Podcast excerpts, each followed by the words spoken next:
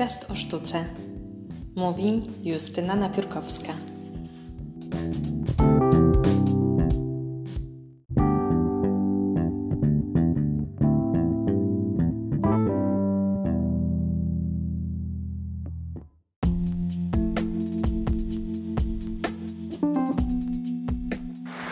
Dzień dobry. Zapraszam Państwa serdecznie na podcast o sztuce.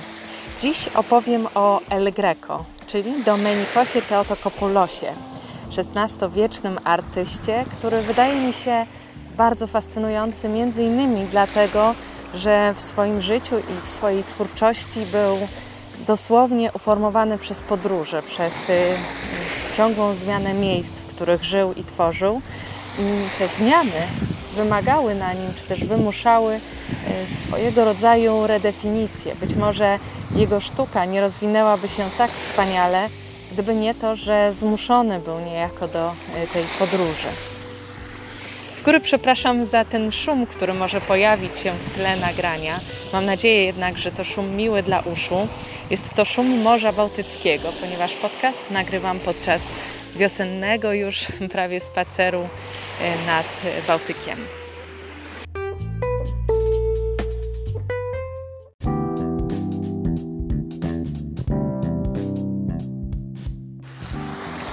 El Greco urodził się najprawdopodobniej w 1541 roku e, na Krecie, e, w mieście, które wówczas nazywało się Kandią, dzisiejszy Iraklion. Nie ma jednak takich potwierdzonych y, y, ram czasowych, w których żył i tworzył i e, te daty, które dzisiaj poznajemy, są też przedmiotem pewnych kontrowersji. Trudno zatem e, do końca biograficznie odtworzyć całą dokładnością losy El Greca. Niewątpliwie, kiedy urodził się, Kandia i Kreta była pod dużym wpływem Wenecji. Od czasu czwartej wyprawy E, krzyżowej, była pod weneckim zwierzchnictwem i stąd także dosłownie płynęły wpływy kulturowe. To w nich wychował się i wykształcił młody Domenikos Teotokopoulos, pochodzący z dość bogatej i zacnej rodziny. Kształcił się jako pisarz ikon. A zatem w tej tradycji, która tak naprawdę można powiedzieć, że rezygnowała z indywidualizmu, z autorstwa, z odrębności artystycznej na rzecz takiego doskonałego odwzorowania pewnych wzorów, pewnych, pewnego kanonu, sposobu przedstawiania e, różnych scen. Tę bizantyjskość z jednej strony niósł przez całe swoje życie i odnosił się do niej w późniejszej twórczości, e, z drugiej strony można powiedzieć, że w wielu pracach całkowicie jej zanegował, ją zanegował czy e, odszedł od nich. Badacze zwracają uwagę, że są obrazy El Greca, które rozróżnić można podpisem.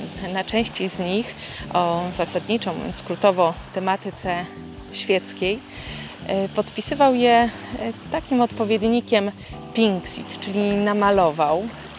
Natomiast obrazy o tematyce sakralnej E, były oznaczane przez niego podpisem odtworzył, a zatem e, tutaj byłby tylko takim medium, które przenosi e, znane już wizerunki i sposoby odtworzenia.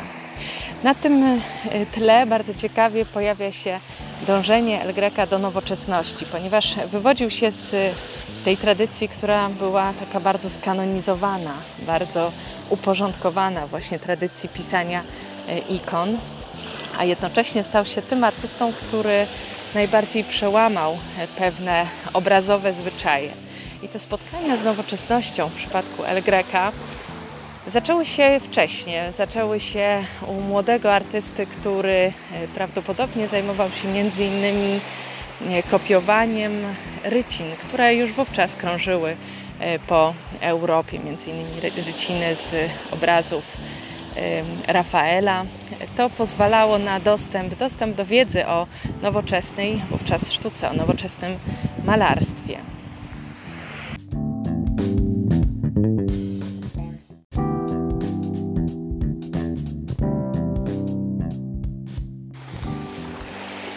Pierwsza i w jedną stronę podróż El Greca to podróż do stolicy, do stolicy jego ówczesnego świata, czyli do Serenissim, do Wenecji. To tam tworzyło, rozwijało się bardzo prężne środowisko artystyczne, bardzo wielorakie także. To był tygiel kulturowy. Między innymi związane było to oczywiście z olbrzymimi wpływami, które ówczesna Wenecja miała w basenie Morza Śródziemnego, a niekiedy i dalej.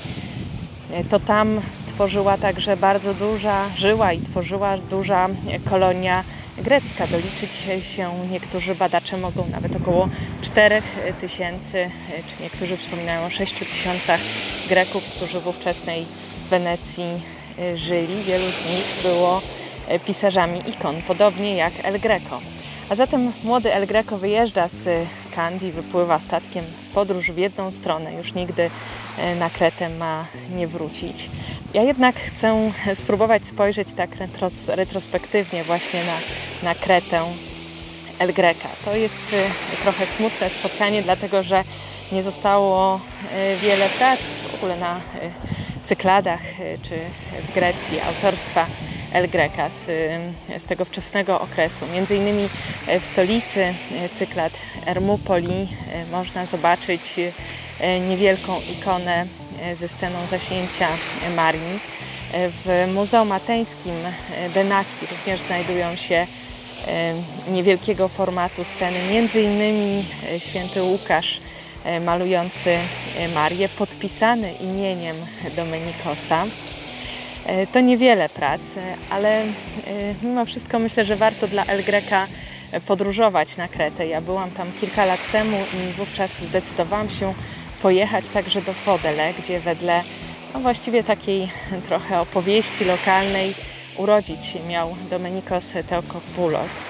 E, Fodele to niewielkie miasteczko, może wioska nieopodal dzisiejszego Iraklionu, czyli ówczesnej Kandii Oddzielona jest od e, wybrzeża e, takim pasmem zielonych wzgórz i to jest e, już zadziwiające, że kiedy z tego spalonego słońcem pejzażu Krety w środku lata znajdujemy się właśnie gdzieś w interiorze, nagle otacza nas ta gęsta zieleń. E, tam stworzono niewielkie muzeum El Greca. Ono położone jest, położone jest na obrzeżach miasta. To jest właściwie kamienny dom. Dochodzi się tam jakimiś dosłownie ścieżynkami. E, kiedy ja tam dotarłam, była już niestety dość późna godzina i muzeum było zamknięte. E, ale spotkałam kustosza, który wyciągnął pęk kluczy i otworzył tę instytucję. Dość, dość szczególną, bo taką zbudowaną raczej z sentymentów niż z jakichś świadectw, dokumentów czy, czy przedmiotów, które wiązałyby się bezpośrednio z El Grekiem. Także mamy tutaj do czynienia raczej z taką próbą odtworzenia, ale i tak zdecydowanie warto właśnie dla tych emocji, które także towarzyszą e, Kre Krecie i Kreteńczykom w e, odnoszeniu się do no, najwybitniejszego być może syna tej, tej wyspy. Otóż w muzeum nie ma obrazów El Greca. Zobaczyłam tam innymi takie podświetlane reprodukcje. Zapamiętałam sobie także e, innymi sztalugę, która miałaby, sztalugi, które miałyby być sztalugami właśnie Domenikosa Teotokopulosa. Niewiele więcej, ale robiło to duże wrażenie jako e, to miejsce, w którym urodził się e, geniusz razem z tym e, szumem cykad wokół, z zapachem lata, z tą śródziemnomorską wspaniałą przyrodą, która otaczała to kamienne domostwo.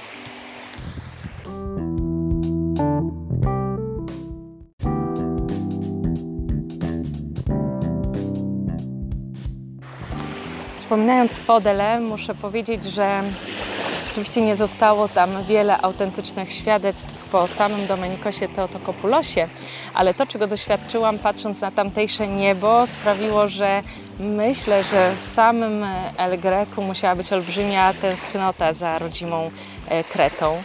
Jeżeli spojrzycie Państwo na obraz e, zatytułowany Widok Toledo, e, gdzie wśród zieleni pojawia się taka lśniąca bielą architektura właśnie tego hiszpańskiego miasta. Warto zwrócić uwagę na niebo, zresztą trudno nie zwrócić uwagi na, na niebo. I muszę powiedzieć, że kiedy pojechałam do Toledo i do Fodele i tam znalazłam się w, tym, w tej niewielkiej miejscowości, dość chmurny jak na Kretę e, dzień. Niebo było przykryte właśnie takimi chmurami, jakby podszytymi takim ciemnym welurem.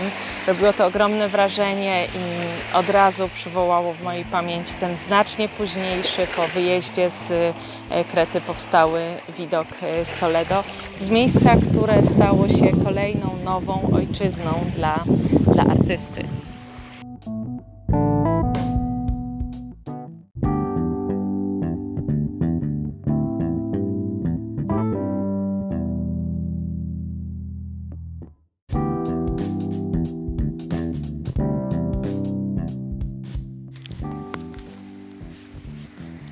20-kilkuletni El Greco wyjeżdża do stolicy, do Serenissimy, czyli do Wenecji, do miasta, które było wówczas już uformowane e, talentami wielkich artystów. I tutaj należy wymienić takie postacie jak Tycjan czy Tintoretto, e, którzy niewątpliwie byli bardzo dla e, młodego Domenikosa Teotokopulosa fascynujący.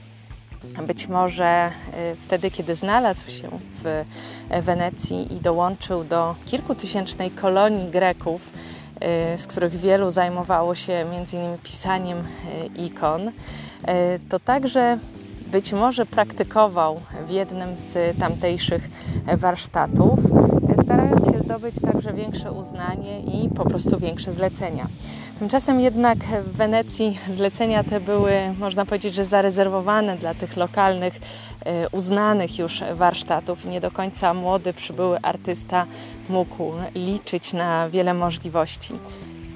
I być może właśnie dlatego e, z Wenecji zdecydował się wyjechać. Niemniej jednak Wenecja bardzo dużo e, mu dała, ponieważ e, to tam, w tym mieście, rozwijała się szkoła, którą nazywać możemy szkołą koloru. Właściwie, kiedy patrzy się na Półwysep Apeniński i na centra artystyczne, które rozwijały się w dobie renesansu czy manieryzmu, to można wyznaczyć takie dwa kierunki. Z jednej strony szkoła e, koloru, właśnie związana z Wenecją, gdzie bardzo istotna była malarska paleta i barwa była tym elementem, który tworzył, e, budował nastrój obrazu. Z drugiej strony szkoła rzymsko-florencka, taka, która stawiała na prymat rysunku. E, I między tymi dwoma szkołami była, można, istniała, można powiedzieć, pewna opozycja, ale wydaje mi się, że El Greco był tą postacią, która wpływy tych dwóch szkół w swoim malarstwie e, w znakomity sposób e, pogodziła.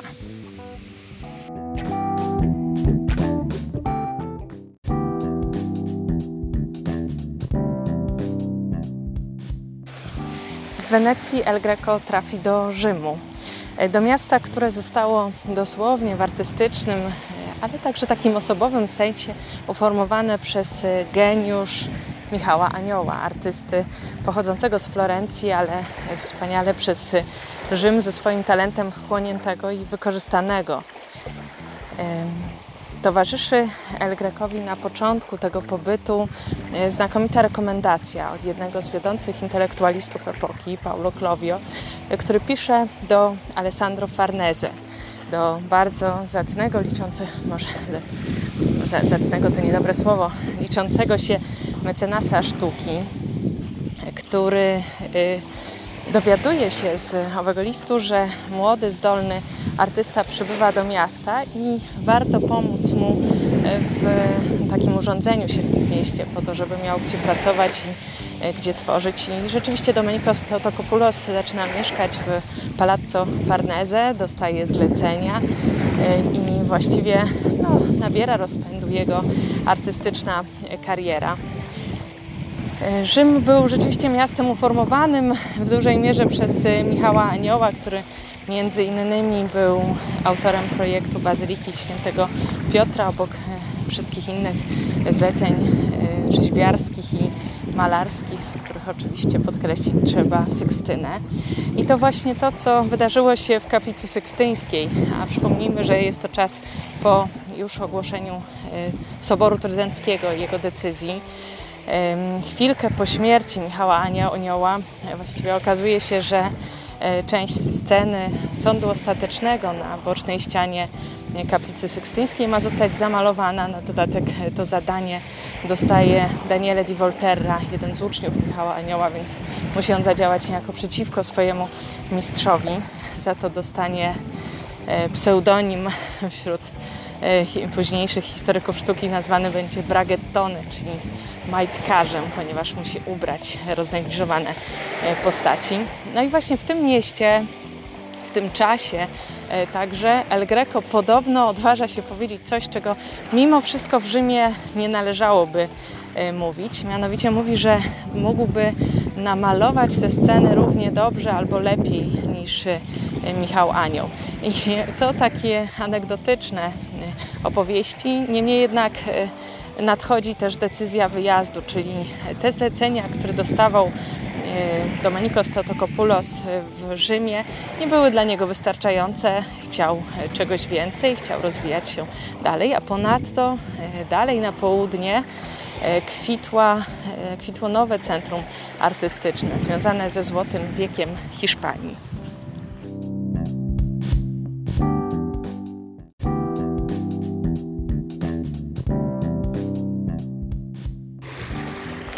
Ten wyjątkowy czas, który miał być udziałem e, właśnie Hiszpanii, związany był przede wszystkim z dwoma czynnikami. Z jednej strony dokładnie złoty wiek, złoty, dlatego że do metropolii z kolonii mogło płynąć e, złoto po odkryciu Ameryki w 1940, 1492 roku. Z drugiej strony e, Hiszpania doświadczała w tym czasie mniej więcej reunifikacji po odbiciu Grenady i po ponownym zjednoczeniu kraju, a zatem mogła budować swoją nową, silną państwowość, otaczając się w tym, tym, co dla takiej propagandy państwowej jest niezbędne, czyli po prostu sztuką. A zatem było zapotrzebowanie dworu na e, tworzenie nowych obrazów, na tworzenie dzieł sztuki, ale także e, na wielkie przedsięwzięcia budowlane, takie jak Escorial, który e, powstaje ku chwale tego rosnącego w siłę państwa to tam trafić ma El Greco, teraz już tak nazywany. Jego trudne greckie nazwisko zostało zastąpione swoistym pseudonimem, e, który utożsamiał go z grecką narodowością, a zatem e, także w jakiś sposób kulturowo odnosił się do tego dziedzictwa autora ikon.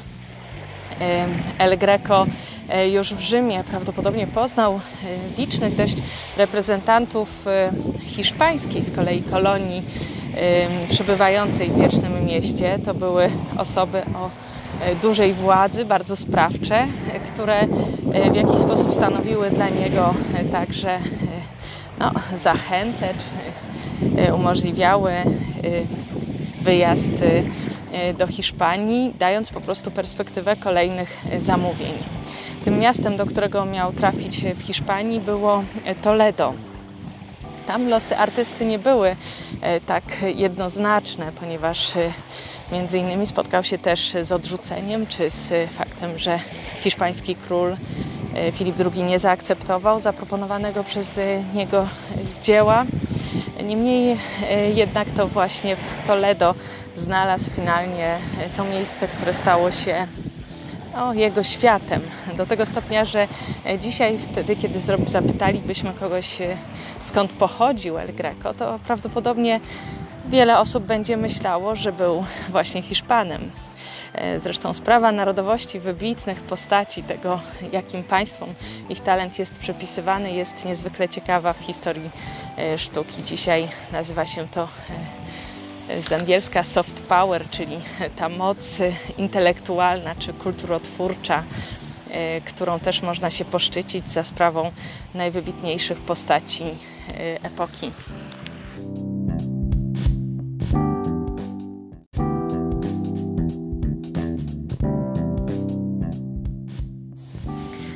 Obrazem, który miał szczególne znaczenie w twórczości El Greca, e, była praca, która powstała na zlecenie e, proboszcza kościoła Santo Tomé w Toledo do jednej z kaplic e, w tym kościele. E, to była forma realizacji wcześniejszego testamentu, który miał wskazywać na stworzenie obrazu, który miałby dokumentować toledański cud sprzed, sprzed lat. Otóż na początku XIV stulecia zmarł człowiek wielkiej wiary i wielki darczyńca kościoła Santo Tomé, E, wielki jego fundator, e, który pośmiertnie został określony jako hrabia miasta Orgac.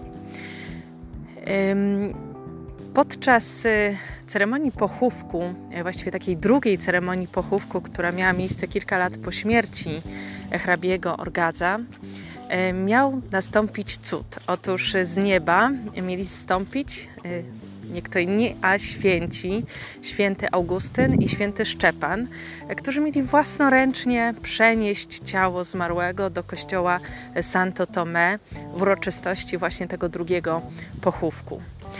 To scena o niebywałej elegancji, niebywałym doniosłym pięknie. Mamy tutaj e, zgromadzoną ogromną grupę e, postaci notabli toledańskich, już tych z czasów współczesnych y, El Greco. E, mamy tutaj e, także dość niezwykłe przedstawienie syna Jorge Manuela, e, który pokazany jest w pierwszym planie i stanowi, można powiedzieć, taki łącznik między sceną legendarną z obrazu, a nami, odbiorcami. Tak jakby był tym przedstawicielem rzeczywistego świata, który pokazuje, że ta scena ta legendarna historia rzeczywiście miała miejsce.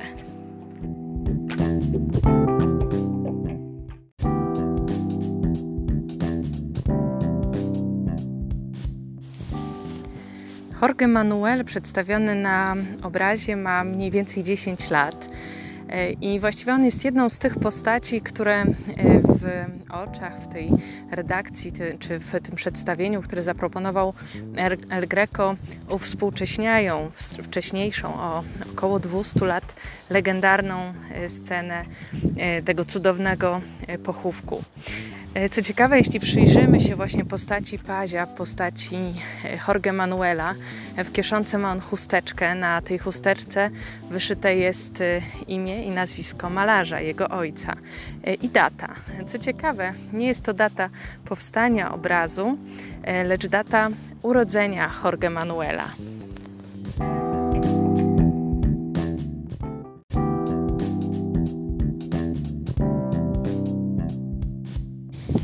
Można powiedzieć, że w tym obrazie, w pogrzebie hrabiego Orgacy, dokonuje El Greco swoistej syntezy, takiej sumy, e, zarówno swojej artystycznej drogi i tych wszystkich wniosków, które po drodze wysunął, tworząc e, bardzo spójny e, i bardzo osobliwy malarski język, taki, który będzie kojarzony już tylko i wyłącznie z nim. I wśród tych wpływów, które możemy rozszyfrować w obrazie, to między innymi e, coś, co określane bywa jako izokefalia, wywodzący się ze sztuki e, Bizancjum. Proszę spojrzeć na ten szpaler sportretowanych mężczyzn. Te portrety oddane zresztą z olbrzymim realizmem, ale ustawione są w takim jednym rzędzie, ich twarze są na jednym poziomie. To jest właśnie coś, co wywodziło się z malarstwa ikon. Niewątpliwie jest też w tym obrazie to wszystko, co zainspirowało El Greca w Wenecji, ta szkoła koloru. Bardzo szczególna paleta kolorystyczna, y, którą stworzył El Greco, y, tutaj po prostu jaśnieje na tym, na tym płótnie. Jest też niewątpliwie w jakiś sposób oddana tutaj recepcja twórczości Michała Anioła, czyli to, co El Greco zobaczył w Rzymie, między innymi w kaplicy sykstyńskiej. Jeśli spojrzymy na sceny, które rozgrywają się w sferze niebieskiej, tak pełne dynamiki, tak poruszające i tak pełne jakiejś takiej niezwykłej, witalnej energii, to rzeczywiście to skojarzenie może okazać się żywe. Przy czym te wszystkie źródła tutaj łączą się w jeden bardzo spójny wyraz, ten wyraz, który staje się stylem El Greca. Można powiedzieć, że podwójne jest e, znaczenie wykorzystania e, właśnie portretów bardzo konkretnych osób. Z jednej strony El Greco e, za sprawą przedstawienia notabli toledańskich uwspółcześnia scenę, a zatem czyni coś dla społeczności Toledo niezwykle istotne, istotnego, dlatego że w jakiś sposób przybliża ten mit fundacyjny kościoła Santo Tomé i także ważny dla, dla toledańskich mieszczan. Z drugiej natomiast strony strony jest to znakomity marketingowy e, trik artysty, ponieważ portretując tyle postaci, właściwie można powiedzieć, że daje sobie szansę na rozbudowanie swojego warsztatu, bo e, za tak wspaniale zaprezentowanymi portretami z całą pewnością później mogą pójść kolejne zamówienia, zamówienia e, do już osobistych portretów które warsztat w Toledo stworzony przez El Greca, duży warsztat, e, w którym po jakimś czasie zatrudnił także swojego syna Jorge Manuela, e, będzie przyjmował i będzie realizował.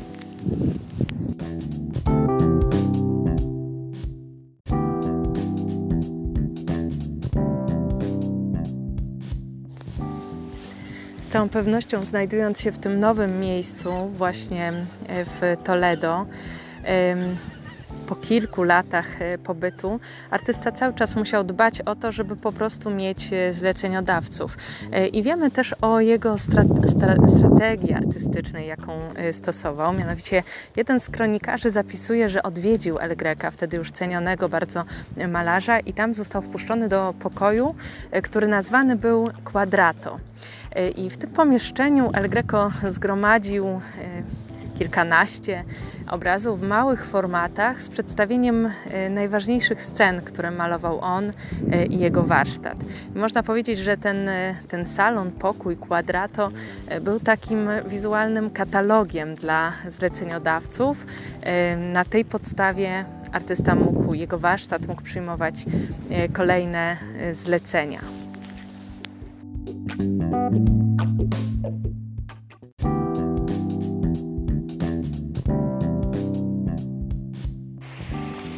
Malarstwo El Greca jest fascynujące również y, dlatego, że artysta dość często wpuszcza nas w y, takie y, rewiry życia rodzinnego swojego. To oczywiście był po prostu pragmatyczny pretekst wtedy, kiedy malował różne sceny, wykorzystywał po prostu do pozowania swoich bliskich. I taką postacią była między innymi Jeronima de las Cuevas, osoba pochodząca z zacnej hiszpańskiej rodziny, o czym miał świadczyć tytuł Donia, który towarzyszył jej e, nazwisku.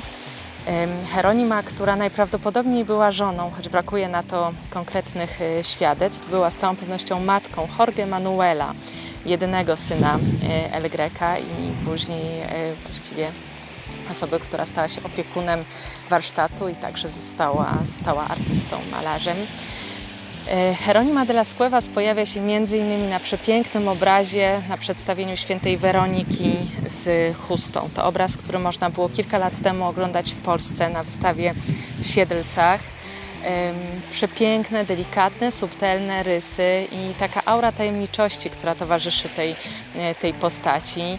E, jest w tym obrazie niebywale dużo liryzmu i takiego absolutnie ponadczasowego, uniwersalnego podejścia do, do postaci, do historii, która y, przestaje być historią odległą. Także y, tutaj udało się El Grekowi w ten sposób oddać jakieś takie niebywałe zuniwersalizowanie tej, tej, tej historii, wykorzystując do tego wizerunek Heronimy. Na obrazach pojawia się także Jorge Manuel, właśnie przykład w wspomnianej e, scenie e, jako chłopiec, e, jako paś wskazujący na pochówek, pochówek hrabiego. Jorge Manuel stał się także malarzem i to prawdopodobnie on był głównym autorem obrazu zatytułowanego Rodzina El Greca, na, których, na którym przedstawionych jest kilka postaci. Jorge Emanuel również współpracował ze swoim ojcem i był wpisywany do kontraktów, które wówczas powstawały z imieniem i nazwiskiem. Był już w nich obecny. Później zajął się także architekturą i odnosił w tym duże sukcesy.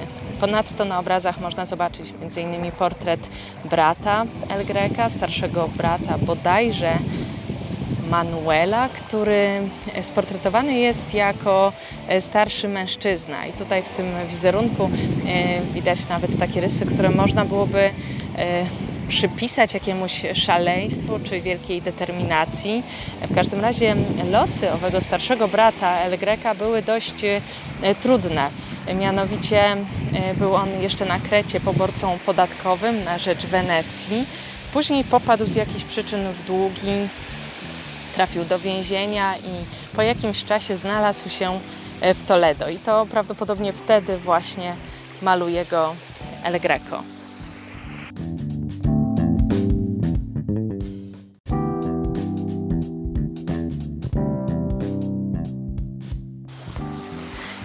Jest absolutnie fascynujące, jak to się stało, że artysta, który był uformowany przez tak skanonizowane wzorce, jak e, w sztuce ikon, w malarstwie ikon, czy w pisaniu e, ikon, e, stał się później tak znaczącym rewolucjonistą, jednym z najwybitniejszych manierystów w, malarstwie, o niezwykle ekspresyjnych e, obrazach.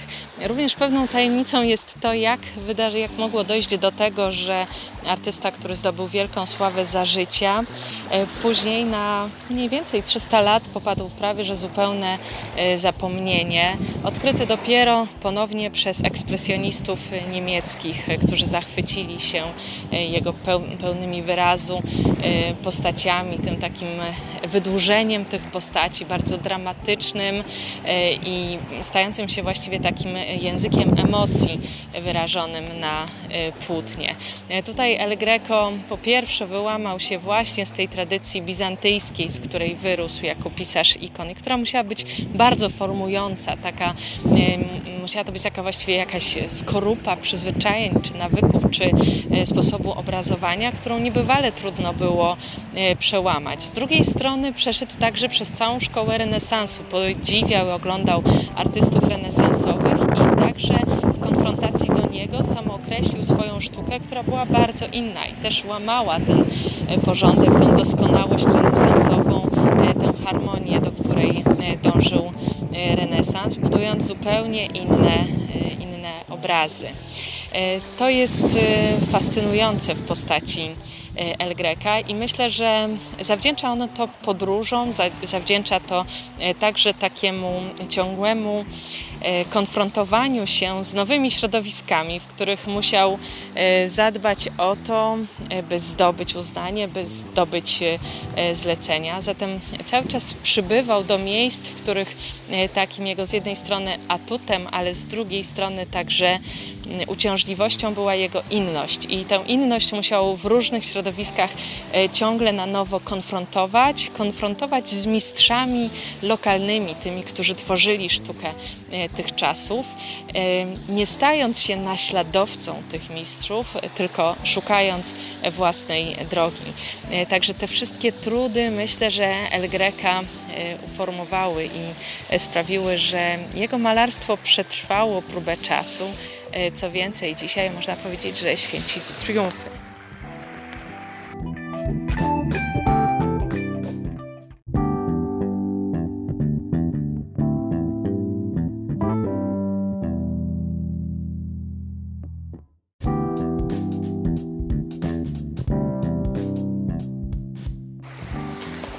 Polsce mamy oczywiście znakomity przyczynek do mówienia o twórczości El Greca, e, ponieważ w Siedlcach posiadamy wspaniałe, przepiękne, bardzo poruszające przedstawienie świętego Franciszka. To jeden z tych tematów, które pojawiały się w twórczości El Greca dość, dość często.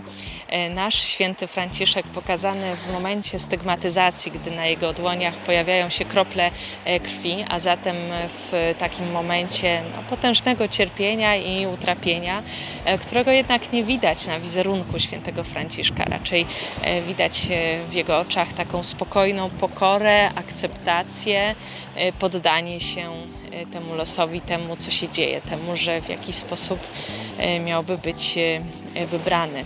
Ten obraz można oglądać w Muzeum Diecezjalnym w Siedlcach.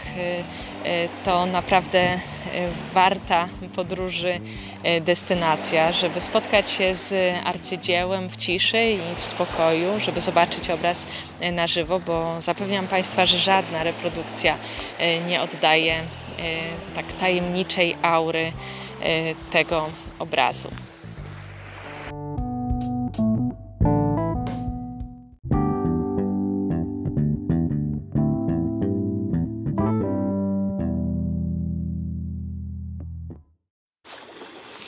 Bardzo dziękuję Państwu za uwagę, za wysłuchanie audycji o sztuce. Mam nadzieję, że przyczyni się ona dla Państwa do spojrzenia nie tylko na arcydzieła, które pozostawił El Greco, ale także do zastanowienia nad samą jego postacią, nad y, tym, jak formowały go e, podróże, nad, tak, nad także wyciągnięciem pewnych wniosków z jego osobowości, bo myślę, że była to absolutnie fascynująca postać. Zapraszam do wyszukania obrazów, do popatrzenia na detale tych, e, tych prac, na znakomity warsztat, tak rewolucyjny warsztat tego e, artysty. A teraz na zakończenie odrobinę tego szumu, który dzisiaj e, cały czas słyszeliśmy w tle, z bardzo serdecznym pozdrowieniem z Nadbałtyku. Dziękuję Państwu i do usłyszenia.